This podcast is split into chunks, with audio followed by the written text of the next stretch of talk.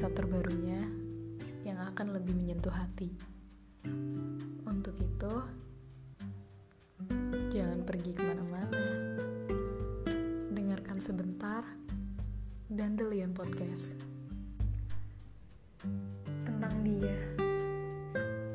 Dia akan selalu menjadi tokoh utamanya.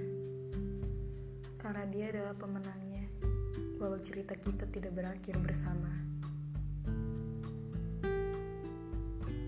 Aku memilihnya dari hati. Tidak akan pernah berubah sedikit pun. Karena yang dirawat dari hati akan tetap abadi di hati. Meski mataku melihat ada banyak sekali rupa yang memikat jiwa. Setiap tetes air mata menguatkanku untuk tetap merindukannya. Meski aku harus melihat dirinya menemukan pengganti baru, di saat yang bersamaan hatiku juga dimintanya. Kemudian dia melepas salah satunya yaitu aku, segala ceritaku, untuk bersanding dengan pilihannya. Tak apa, jika inginnya, menginginkan aku yang terluka. Aku terima, walaupun rasanya aku tak bisa berbohong jika aku sangat kecewa dan marah.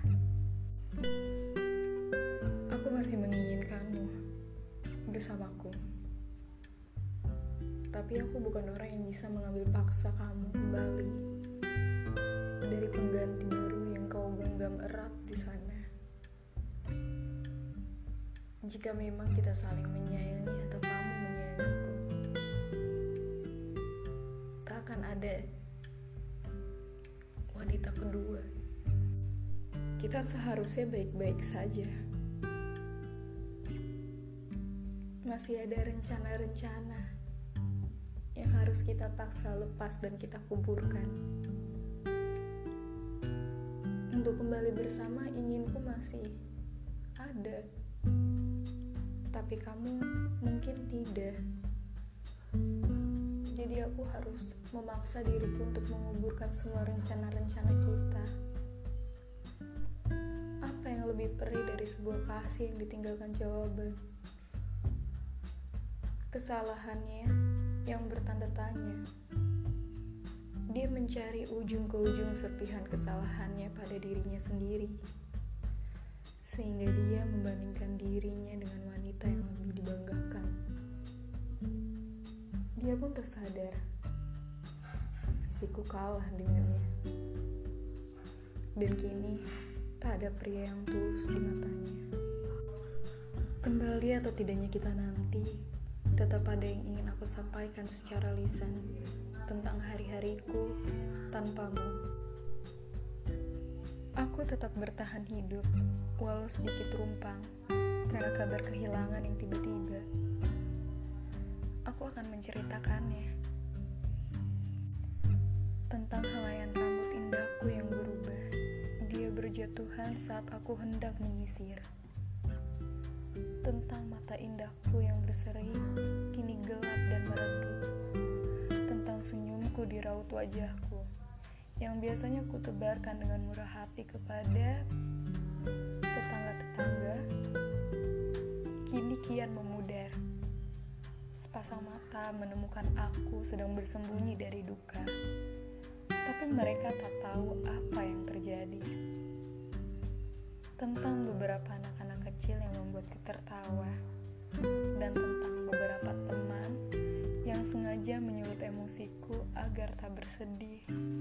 Katanya, melihat marahku lebih baik daripada melihat wajahku yang murung. Atau yang paling menyisakan adalah ketika aku berusaha rapat-rapat menyembunyikan segala sesaku, saudara kandungku, refleks menyadari perbedaan pada diriku. Dia berucap, "Lo kenapa akhir-akhir ini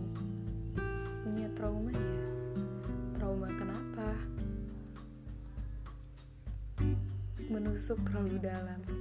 Aku diam tanpa responnya. kembali. Aku kehilangan berat badanku. Warna kulitku juga memucat. Tentang pikiranku yang selalu kukokohkan, tapi bayanganku akan tentangmu selalu merobohkan pertahanan. Sehingga pikiranku tergerogoti jika aku yang salah. Tapi mereka bicara bahwa aku tidak salah. Mereka menyalahkan dirimu. Aku menolak kau disalahkan. Iya, rasanya aku tidak waras. Tentang beberapa banyak sekali insan yang datang kepadaku menawarkan sejuta cerita baru untuk kembali bahagia. Tapi aku merasa takut untuk mengambilnya. Takut kembali patah dengan cara yang berbeda. Aku ingin bahagia, bukan memeluk luka nestapa. Aku tidak ingin mencari tentangmu saat kamu pergi. Tapi aku mencari kabarmu. Aku ingin tahu kabarmu seperti dulu. Aku mengetahui hari-harimu. Aku mengetahui seberapa pentingnya kita waktu kita masih baik-baik saja. Percayalah, aku tidak berhenti mendoakanmu sepanjang masa. Mungkin kita akan kembali, entah bertemu sebagai orang asing yang telah berdamai dan menertawakan cerita di kemudian hari. Karena dari awal, aku hanya salah satunya dari banyaknya pilihan yang tidak aku ketahui. Aku berpikir pada satu arah, mengira bahwa akulah satu-satunya yang dipilih. Pesanku cuma satu. Jangan datang ke kehidupan seseorang jika ternyata kau belum siap untuk menyelesaikan kisahmu yang dulu. Karena ada yang dengan rela menghancurkan banyak hati hanya untuk memelukmu sepenuh hati. Dan percayalah, aku tidak pernah membencimu. Tidak pernah ada niat buruk untuk menjatuhkanmu. Dan aku selalu merindukanmu. Menginginkanmu kembali. Memimpikan hidup bersama di masa depan. Walau kini hanya menjadi angan. Aku mohon jaga perasaan kamu ya. Jangan sampai kamu memiliki prasangka buruk padaku. Karena itu akan menjadi kesalahpahaman pada pikiranmu. Kini kita adalah cinta dan rahasia. Aku tidak pergi ke mana pun.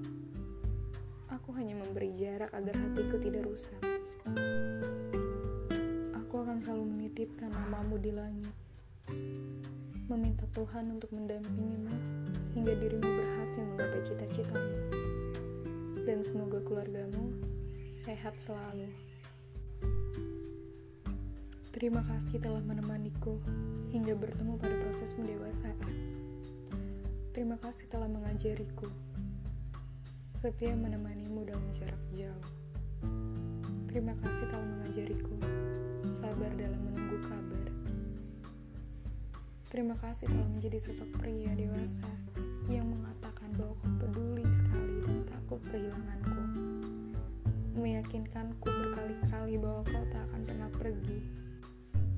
Sampai aku terbawa mimpi yang aku pikir itu nyata. Menangis dan kau menghapus air mata. Aku ingin bencimu, tapi aku tak pernah berhasil membencimu, apalagi melupakanmu. Terima kasih sekali lagi.